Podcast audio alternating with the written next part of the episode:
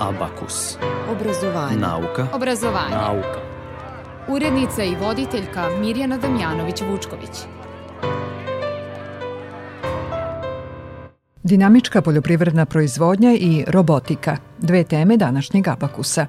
Dobar dan. Vreme za nauku i obrazovanje.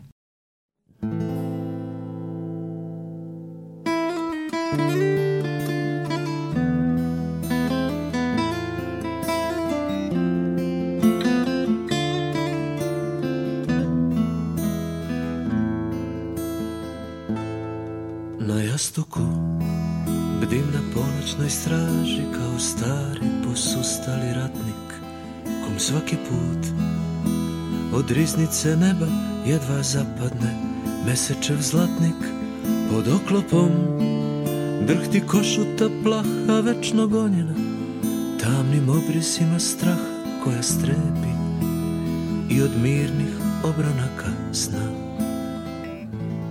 Nedostaje mi naša ljubav mila Bez nje se život kruni Uzalud Nedostaješ mi ti Kakva si bila Nedostaje mi ja Onako lud Ja znam da vreme ne voli Heroje i da je svaki hram Ukaljalo Al meni eto Ništa se nas dvoje Nije valjalo Kad potražim put u središte sebe staze bivaju tešnje i tešnje I skrijem se u zaklon tvog uha kao minđuš od duple trešnje Al uspevam da još jednom odolim da prošapućem Da te noćas ruski volim šta su reči Kremen što se izleže Ostaje mi naša ljubav mila A bez nje ovaj kurjak menja čud Nedostaješ mi ti kakva si bila Nedostaje mi ja onako lud Ja znam da vreme mu menja boje I da je silan sjaj pomračilo Al meni eto ništa sem nas dvoje nije znao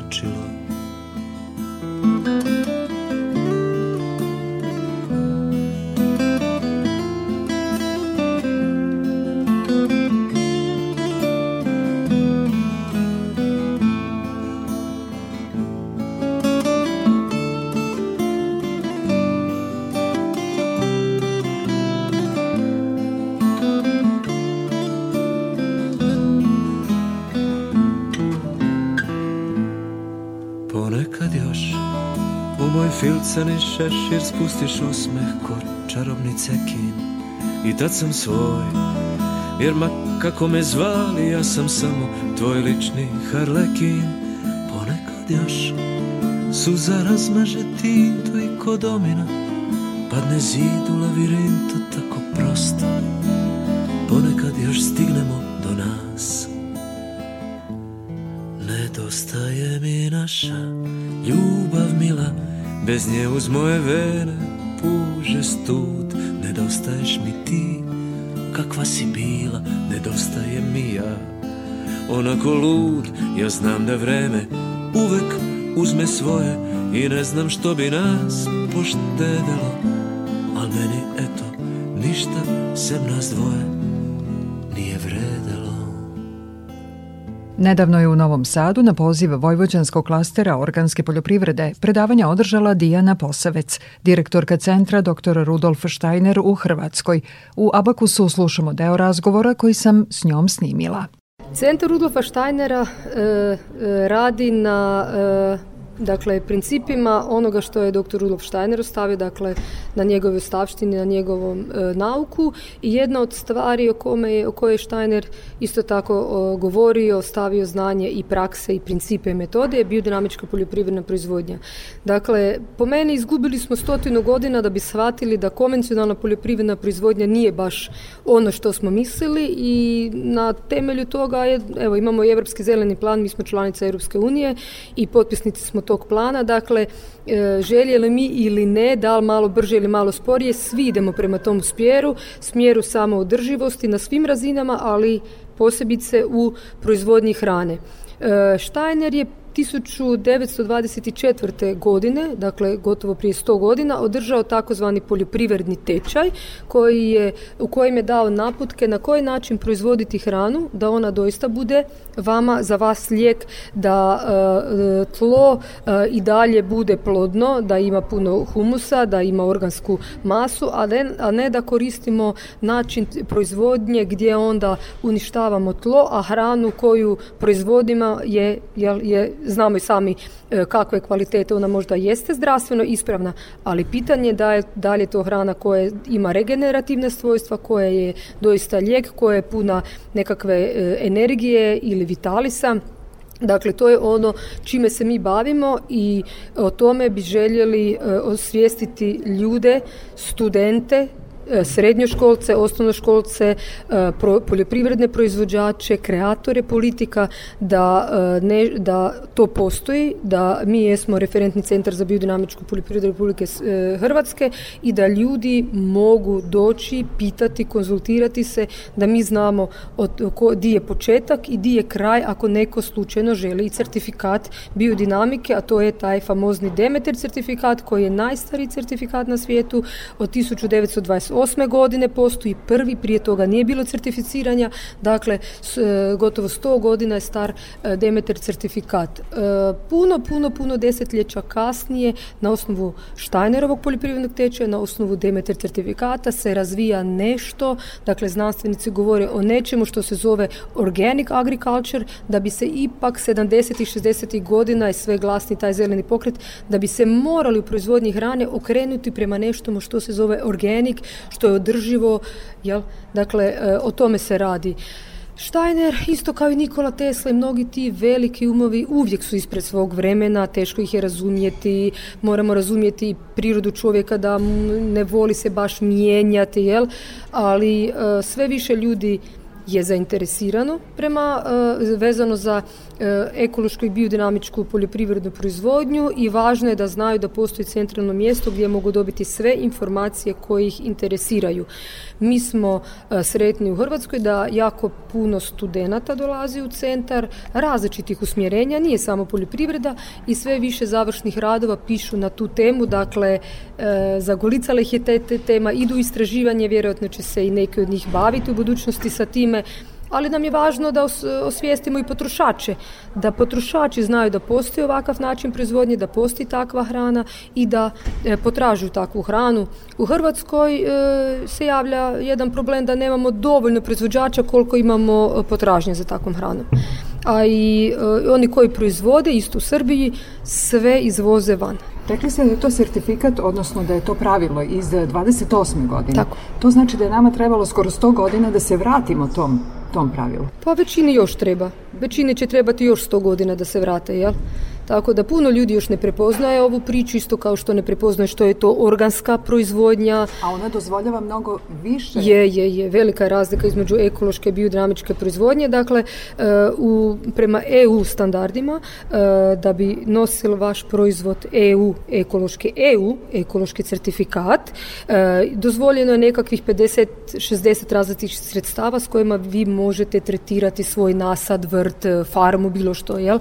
O, o bilo kojoj proizvodnji, sad govorimo uh, u uh, standardima za biodinamički certifikat 13 dodataka.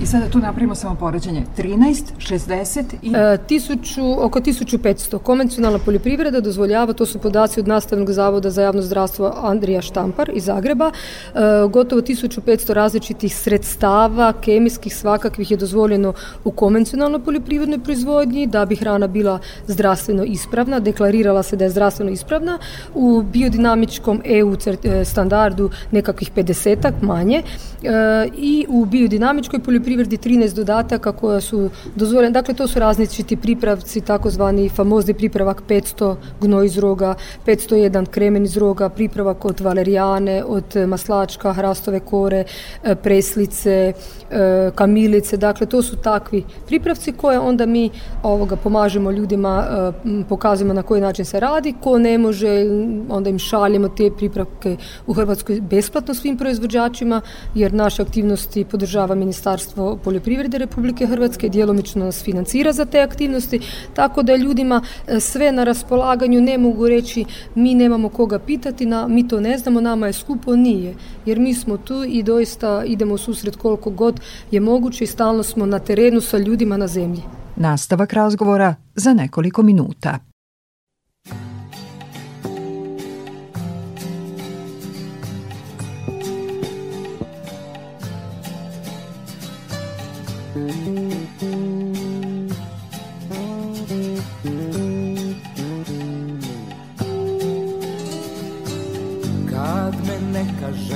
podsjeti na tebe Dugo ne mogu da pobegnem od sebe Najbolje bi bilo da me nisi ni volela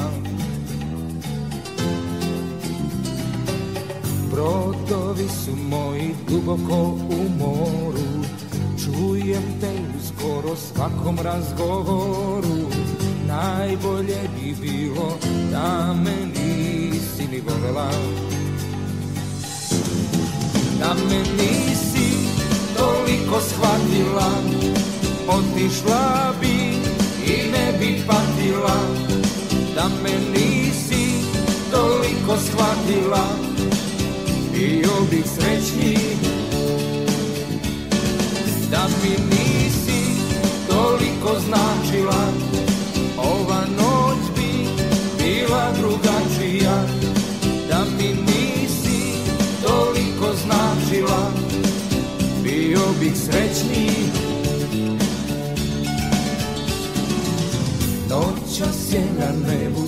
jedna zvezda Najlepša je ptica ostala bez gnezda Najbolje bi bilo da me nisi ni volela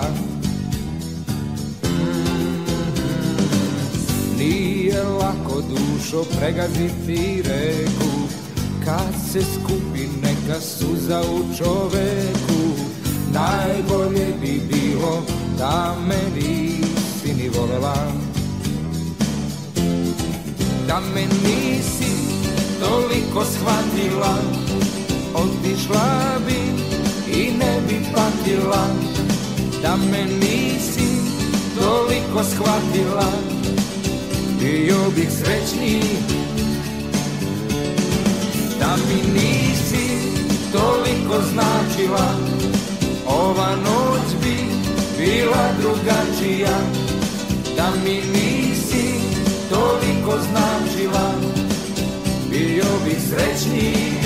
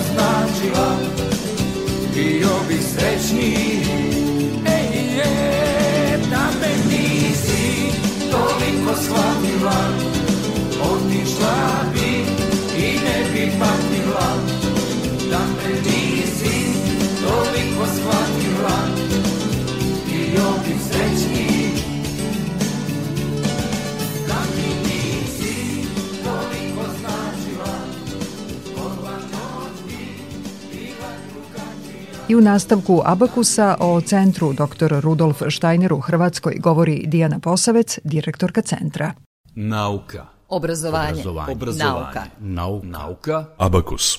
Centar je u rodnom mestu Štajna. Tako, u Donjem Kraljevcu e, mi upravljamo njegovom rodnom kućom, dolaze turisti od 1966. godine, pa na samom otvorenju, odnosno otkrivenju rodne kuće je bila Ingrid Bergman, dakle takva, takvi posjetitelji nam dođu. Tu vam nitko slučajno ne zaluta kao ono, ajmo stati malo na pritvičkim jezerima, tu doista dolaze ljudi koji su desetljećima u Štajnerovom nauku, da li je to valdorska pedagogija, da, li je to euritmija, antropozofska medicina, biodinamika, dinamička poljoprivreda, e, dalje to sama antropozofija, mnogobrojne umjetnice, jer Štajner je toliki velik utjecaj na sve vrste umjetnosti ostavio, dakle vrlo, vrlo jedna interesantna e, ekipa ljudi koje nam dolaze u posjete u centar Štajner, gotovo svakodnevno, bilo je malo zastoj sad vezano za ovu pandemiju, ali eto, ponovno nam dolaze posjetitelji i drago im je kad vide da je napokon u rodnom mjestu Rudolfa Štajnera napravljena e, i osnovana javna ustanova, centar dr. Rudolfa Steinera koje se bavi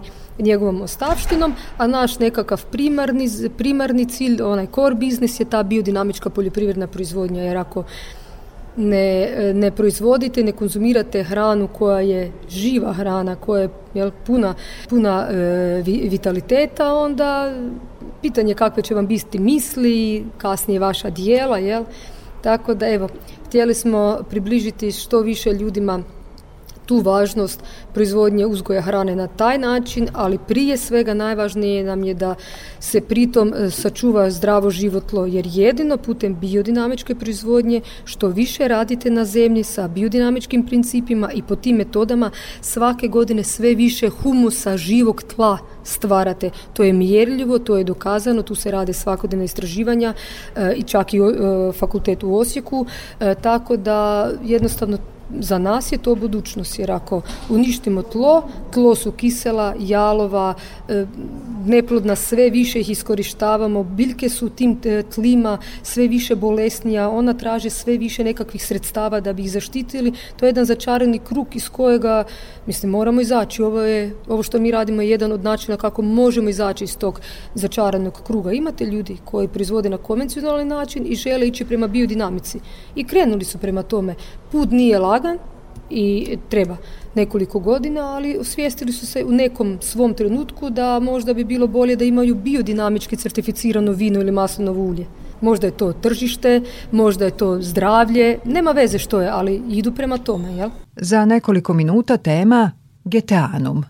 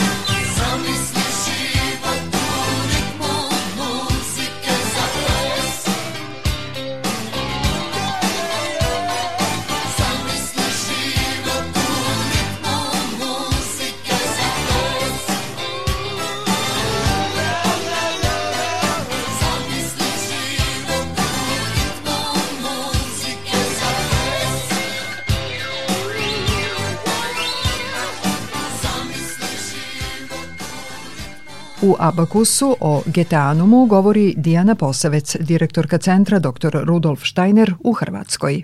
E, centar e, u Švicarskoj Geteanum e, u Dornahu smješten odmah kraj Bazela je veliki svjetski centar izgrađen dakle njemu u, čast. Nažalost prvi centar je kojeg su gradili 2000 umjetnika arhitekata iz cijelog svijeta na samo badnje večer su ga nacisti zapalili izgorio do temelja.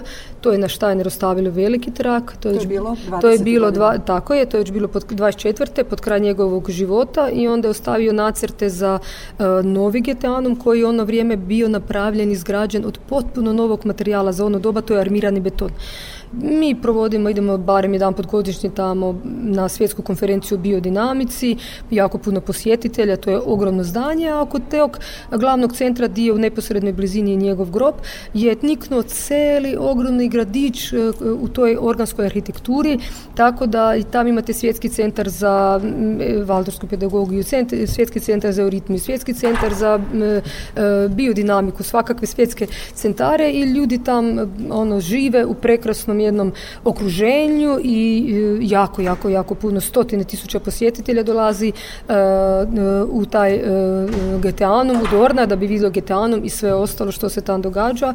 A mi u Centar Steiner smo nekako malo, manje znanje u mjestu gdje je on rođen, Geteanum je gdje je umro, gdje je pokopan, a mi smo tu gdje je rođen, tako da eto, nekak smo dvije spojene točke i većina ljudi Vele, bili smo u Getelanom i prošli smo sve njegove točke gdje on živio, sad smo došli tu do vas gdje je rođen ili idu obrnuto, kreću od mjesta rođenja pa idu po svim točkama gdje su važne u njegovom životu i onda završe, završe e, u Getelanom. I arhitektura je specifična? E, Steiner je utemeljitelj organske arhitekture, dakle organska arhitektura je e, kao takva, nažalost, još se ne uči na fakultetima, koliko ja znam, službeno, e, ali postoje mnogi tečajevi vezani za organske arhitekture. On e, arhitekturu gleda kao i imanje, dakle, E, sile prirode, biljke, životinje, minerali, sve ima svoju funkciju u toj arhitekturi, na tom imanju. Naravno čovjek je u sredini e, koji e, upravlja sa svime time.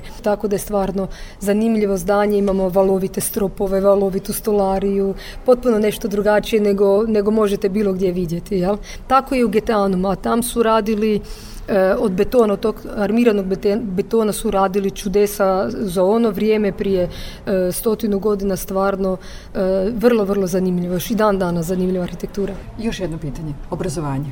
Obrazovanje imamo potpisane dosta sporazuma sa, e, sporazuma sa e, Osječkim fakultetom agrobiotehničke znanosti, sa Agronomskim fakultetom Zagreb, sa Križevcima, učilištem poljoprivredno, dakle sa svima kojima trebamo imamo potpisane sporazume o suradnji i redovito održavamo predavanje i radionice na fakultetima sa studentima. Čuli ste deo razgovora koji sam snimila sa Dijanom Posavec, direktorkom centra dr. Rudolf Steiner u Hrvatskoj. Ona je nedavno u Novom Sadu na poziv Vojvođanskog klastera organske poljoprivrede u Privrednoj komori Vojvodine govorila o biodinamičkoj poljoprivredi i radu centra.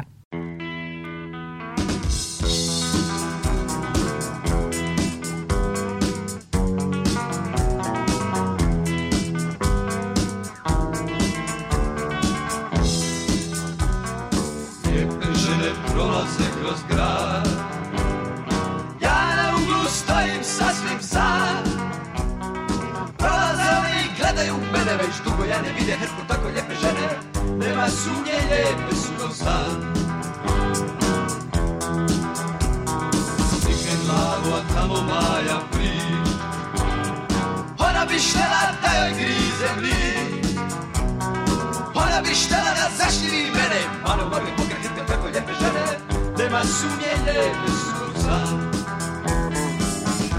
Tuda, tuda, tuda, taka terenowe. Tuda, tuda, tuda, syn zabilowy broń. Tuda, tuda, tuda, rapi wachem zemi. Atme zobeś, atme zobeś, atme zobeś. O, nasza podwórz.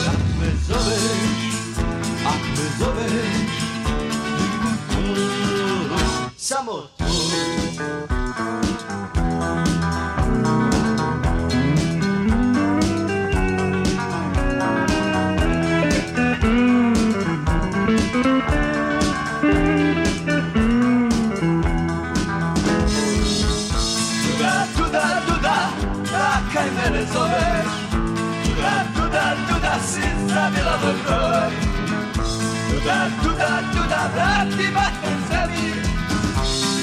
zoveš,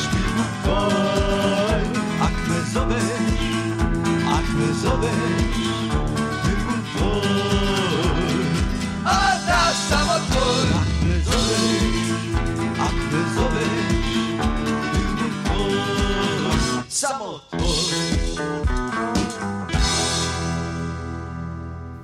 Nauka. Obrazovanje. Obrazovanje. Nauka. Nauka. Nauka. Abakus.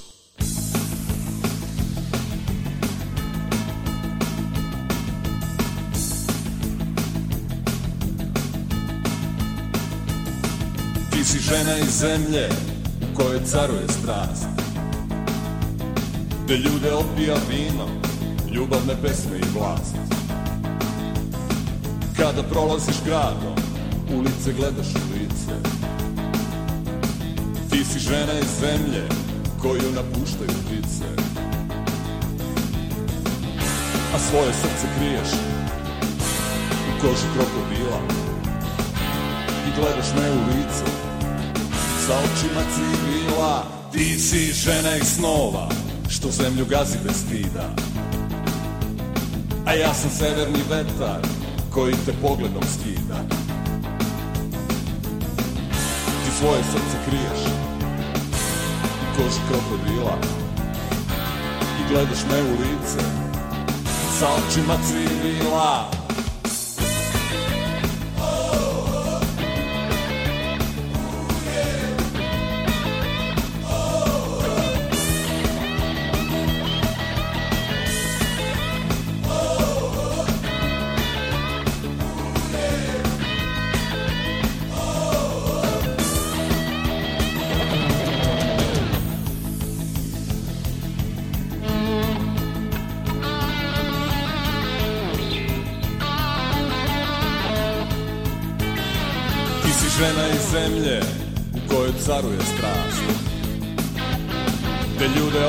vino, ljubavne pesme i vlast. A svoje srce griješ u koži krokodila i gledaš me u lice sa očima civila.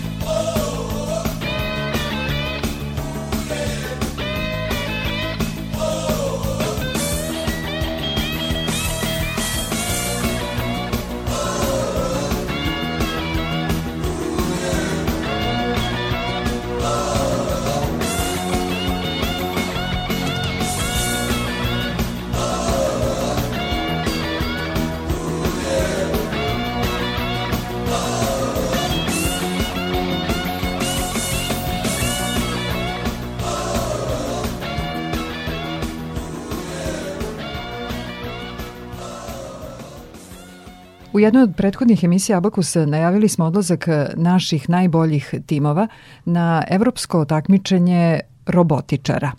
Danas u studiju Radio Novog Sada pobednici tog Eurobot takmičenja Aleksandar Lalić i Aleksandar Kičić, članovi pobedničkog tima. Dobar dan i hvala vam što govorite za Radio Novi Sad.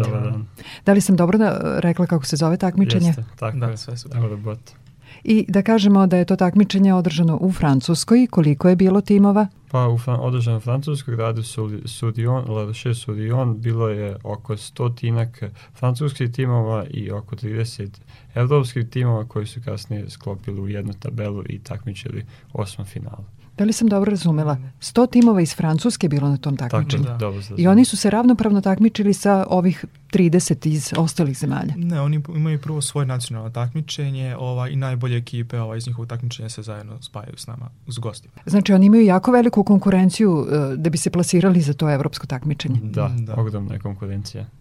I kako su plasirani ti francuski timovi? Hm, pa obično su oni favoriti takmičenja, ali ove godine desi im se peh, tako da su najbolje mjesto bili e, treći Treći plasiran francuski tim. Vi ste ove godine bili prvi i eh, bilo je očekivano, u stvari od vas je očekivalo da osvojite prvo mesto, odnosno da odbranite titul od prošle godine, je li tako? Hm, pa da li je bilo očekivano, možda jeste od nekih, ali nije bilo i predodređeno tako. Da.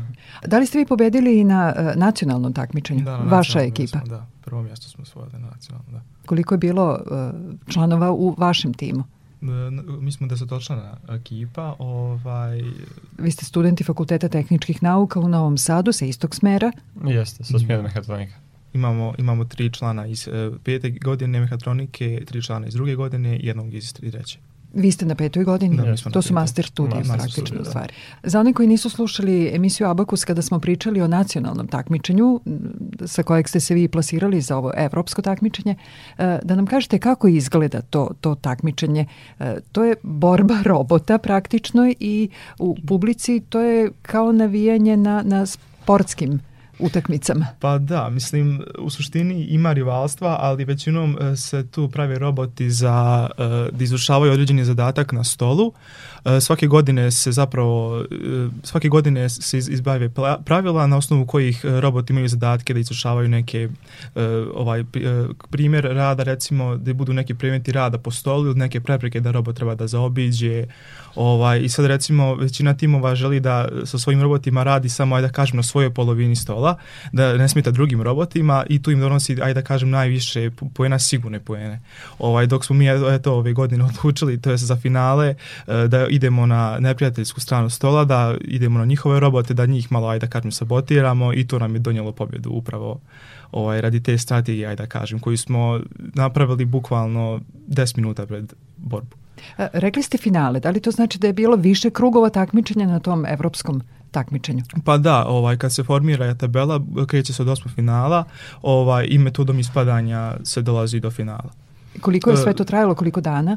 To je trajalo dva dana a koliko traje borba? Jedan meč traje 100 sekundi u, u tom vremenskom periodu imamo, robot mora da ostvari što više pojena. I ima navijanja. Da, mnogo. E, to ćemo sada i čuti. Kako je izgledalo e, na samom finalu, odnosno kako je izgledalo kada je i proglašen pobednik. Sur la roche, Jurion qui vient donner le premier prix à l'équipe serbe Mi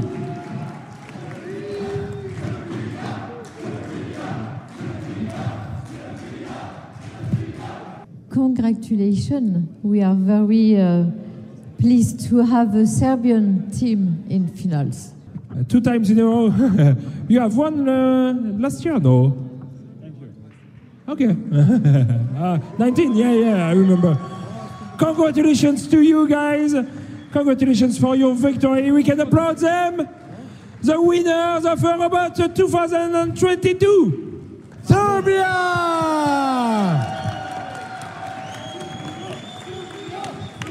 U studiju Radio Novog Sada Aleksandar Lalić i Aleksandar Kičić, članovi pobjedničkog tima na Eurobot takmičenju 2022. godine. Takmičenje je održano nedavno u Francuskoj. Vi ste se pre nekoliko dana vratili u Novi Sad i sada ste u prilici da govorite i o takmičenju, ali i o e, smeru na, na kojem ste. Kako biste predstavili mehatroniku za one evo koji ovih dana treba da donesu jako važnu odluku? Pa mehatronika je jedan ovako veoma zanimljiv smjer na koji se sastaju ove, recimo tri oblasti mehanike, elektronike i računarstva. To je onako spoj koji nam omogućava da upravo pravimo ove robote koje smo napravili i pokazali svijetu. Kako izgleda mm. taj robot? Mi zamišljamo robote da imaju ruke, noge, mm, eh, kao iz eh, hollywoodskih filmova. Da, Hollywood je napravio robote skoro kao ljude, mada naši roboti su onako autonomna vozila, recimo više izgledaju kao rumba usisivača sobe, a imaju dva točka pogonska, neke pomoćne iće i kreću se po, po stolu. To je uglavnom onako ne, ne, ne treniranom oku izgleda kao jedna kutija koja se kreće sa mehanizmama koji kupi određene predmete na stolu. Kada ste vi znali e, šta će biti zadatak na ovom nacionalnom takmičenju i da li isti takav zadatak bio i na ovom evropskom? E, da, e, mi smo znali krajem septembra izađu pravila, Ovaj, na osnovu tih pravila mi zapravo gradimo robote. I e, kad kažete gradite, vi, vi mislim, ih bukvalno pravite? Da, znači kreće prvo brainstorming ideja kako bi izgledao robot, kako bi izgledali mehanizmi, na koji način možemo da rukujemo sa tim predmetima, ovaj, kako ostvariti najbolje, najviše bodova, onda idemo kako praviti robote po strategijama, koje strategije raditi. Mnogo se vremena utoši na dizajn, ovaj, konkretno prvo ide CAD dizajn, računaru se prvo simulira i projektuje sve, pa onda ide u iz, izradu E, izrada također traje mnogo vremena. Imamo u suštini vremena oko šest mjeseci, ali to u praksi se uvijek pokaže da treba i više od toga, tako da. I najviše posla pred kraj. Najviše posla pred kraj, da. Pogotovo što se tiče testiranja, e, a što se tiče e, internacionalnog u Francuskoj, isti stolovi, ista pravila važe sve isto. Odakle su eh, bili ostali timovi? Rekli smo da ih je bilo tri desetak iz mhm. drugih zemalja. Pa širom Evrope, plasiran je bio iz Austrije, eh, iz Francuske naravno, iz Belgije, Švajcarske. Imali smo i Tunis, imali smo taj, Tajvan čak. Eh, takmičenje se već godinama održava u Francuskoj. Da li to znači da eh, je u, Francuskoj eh, robotika i eh, najviše razvijena ili najviše pažnje tome posvećuju? Pa mislim da najviše ta pažnja oni tom posvećuju, što svjedoče i broj timova, a i to se gleda u našim klubima kao njihovo takmičenje, jeste da oni ulažu što veće napade, da oni budu ovaj, najbolji, mada prethodnih par godina smo ih mi malo pokvarili te malo ste im pomrsili konce tako? tako? da, da, da. Znači, dva puta za redom pobeda našeg tima, e, tima studenata studenta Fakulteta tehničkih nauka u Novom Sadu. E, Aleksandre, e, Aleksandar Lalić, pre ulaska u studio rekli ste da možemo da postavimo i filozofsko pitanje kada su e, roboti u pitanju. Da. Opet da malo spomenemo ove hollywoodske filmove. Imamo li razloga za strah od robota? Pa još ne. Kao oh. što kažu, e, neko ko ne zna ništa o vješačkoj inteligenciji se plaši toga, a oni koji baš mnogo znaju se još više plaše. to sam čuo negdje, ovaj, ali konkretno e, te hollywoodske, ajde da kažem, ideologije koje nama namještaju u glavu, to još vjerujem da neće da postoji. E, vještačka inteligencija konkretno čovjeku sad služi kao malo e, bolji alat da izvršava neke poslove koje čovjek, koji čovjek mora da ostaje. Ovaj, konkretno što se tiče posla, da li će nam ikad roboti uzeti posao i to je isto veliko pitanje. Mislim da neće još mnogo. Uvijek, uvijek e, prilikom izrade robota treba imati poslova i za aj da kažemo, održavanje tih robota, za projektovanje tih robota, za projektovanje fabrika tih robota, tako da teži, težimo da, ljudska rasa ide ka da, da radi što pametnije poslove, kreativnije poslove, da se ne zadržava na nekim umobolnim poslovima cijelo se život, to još da kažem. Ali mi moramo onda o robotici da znamo mnogo više. Pa dobro, da, da, da stalno učimo o robotici tako će morat. A koje su sve znanje potrebna da bi se uopšte bavili poslom kojim se vi sada bavite? Pa robotika je veoma široka struka, tako da potrebno je poznavati znanje mehanike, mašinstva, projektovanja robota, preko elektronike, do matematike i fizike. Koje... Ili počinjemo s matematikom. Sve počinje sa matematikom, sa fizikom, to nam je osnovni alat u inženjerstvu pa naravno programiranja, vještačkog učenja i mnogih drugih stvari. E, vi ste se za ovo takmičenje pripremali u vreme kada se obično pripremate za junski ispitni rok. Kako ste uspeli sve to da usaglasite?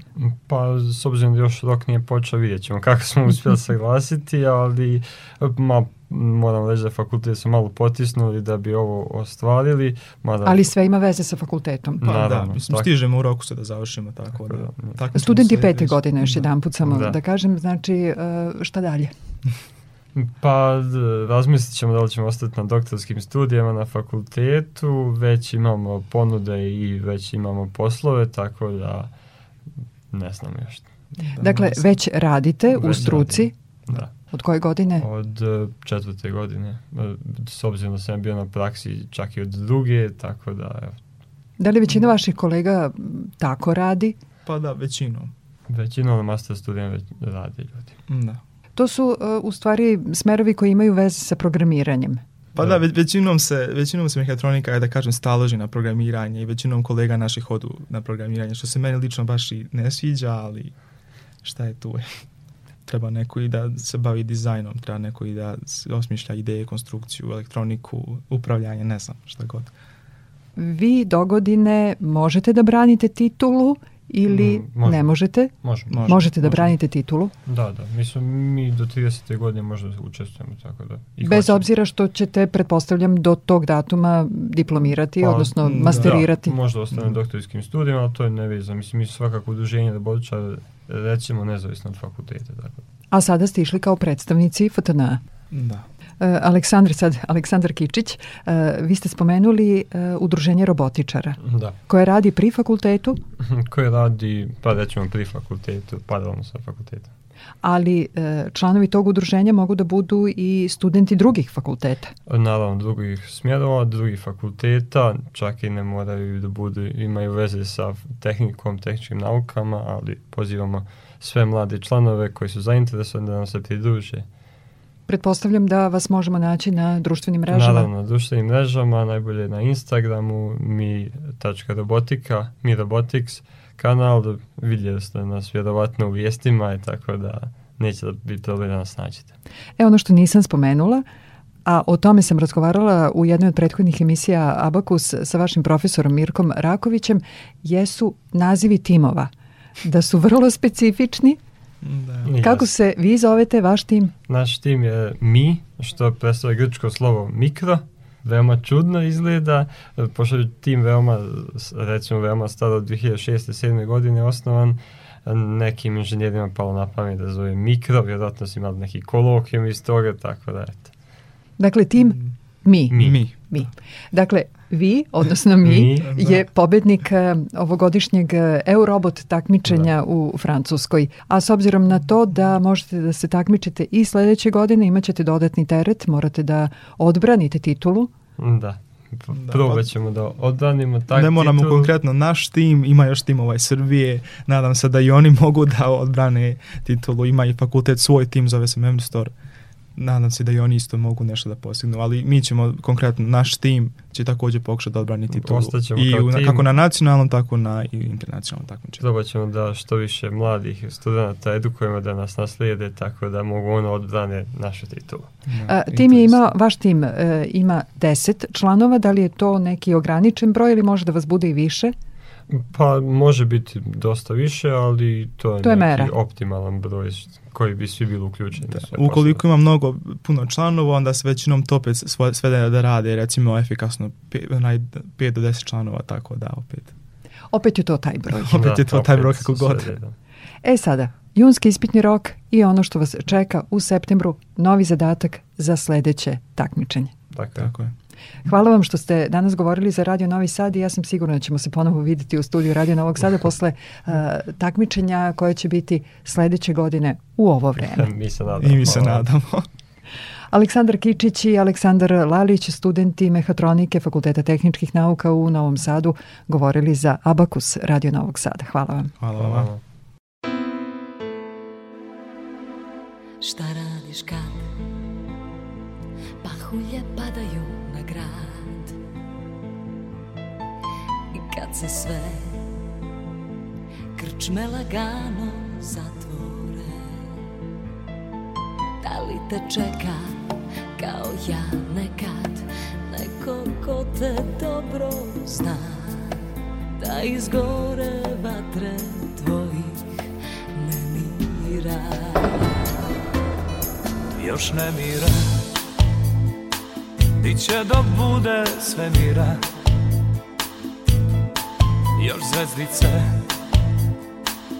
Noću vode skidnice, Želim, ma gde si, da mi se desi Da se na tebe oslonim Da ti sa plamen zvezda noćas poklonim Sjeti se mene, budi drug Jer ti mi možeš pomoći